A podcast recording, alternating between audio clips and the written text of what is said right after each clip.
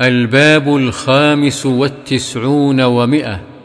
باب فضل السنن الراتبة مع الفرائض وبيان أقلها وأكملها وما بينهما.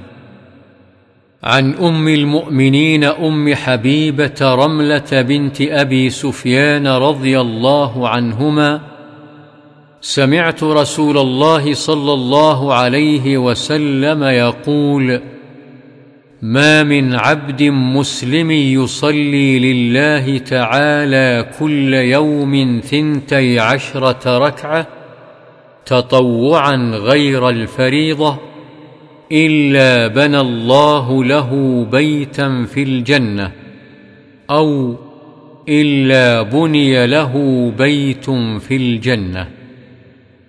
وعن ابن عمر رضي الله عنهما قال صليت مع رسول الله صلى الله عليه وسلم ركعتين قبل الظهر وركعتين بعدها وركعتين بعد الجمعة وركعتين بعد المغرب وركعتين بعد العشاء.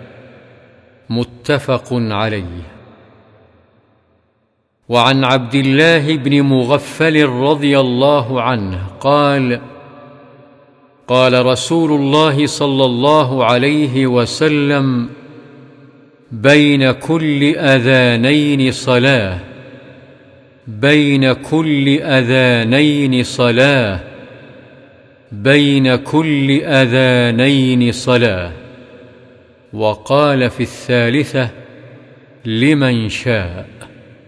متفق عليه.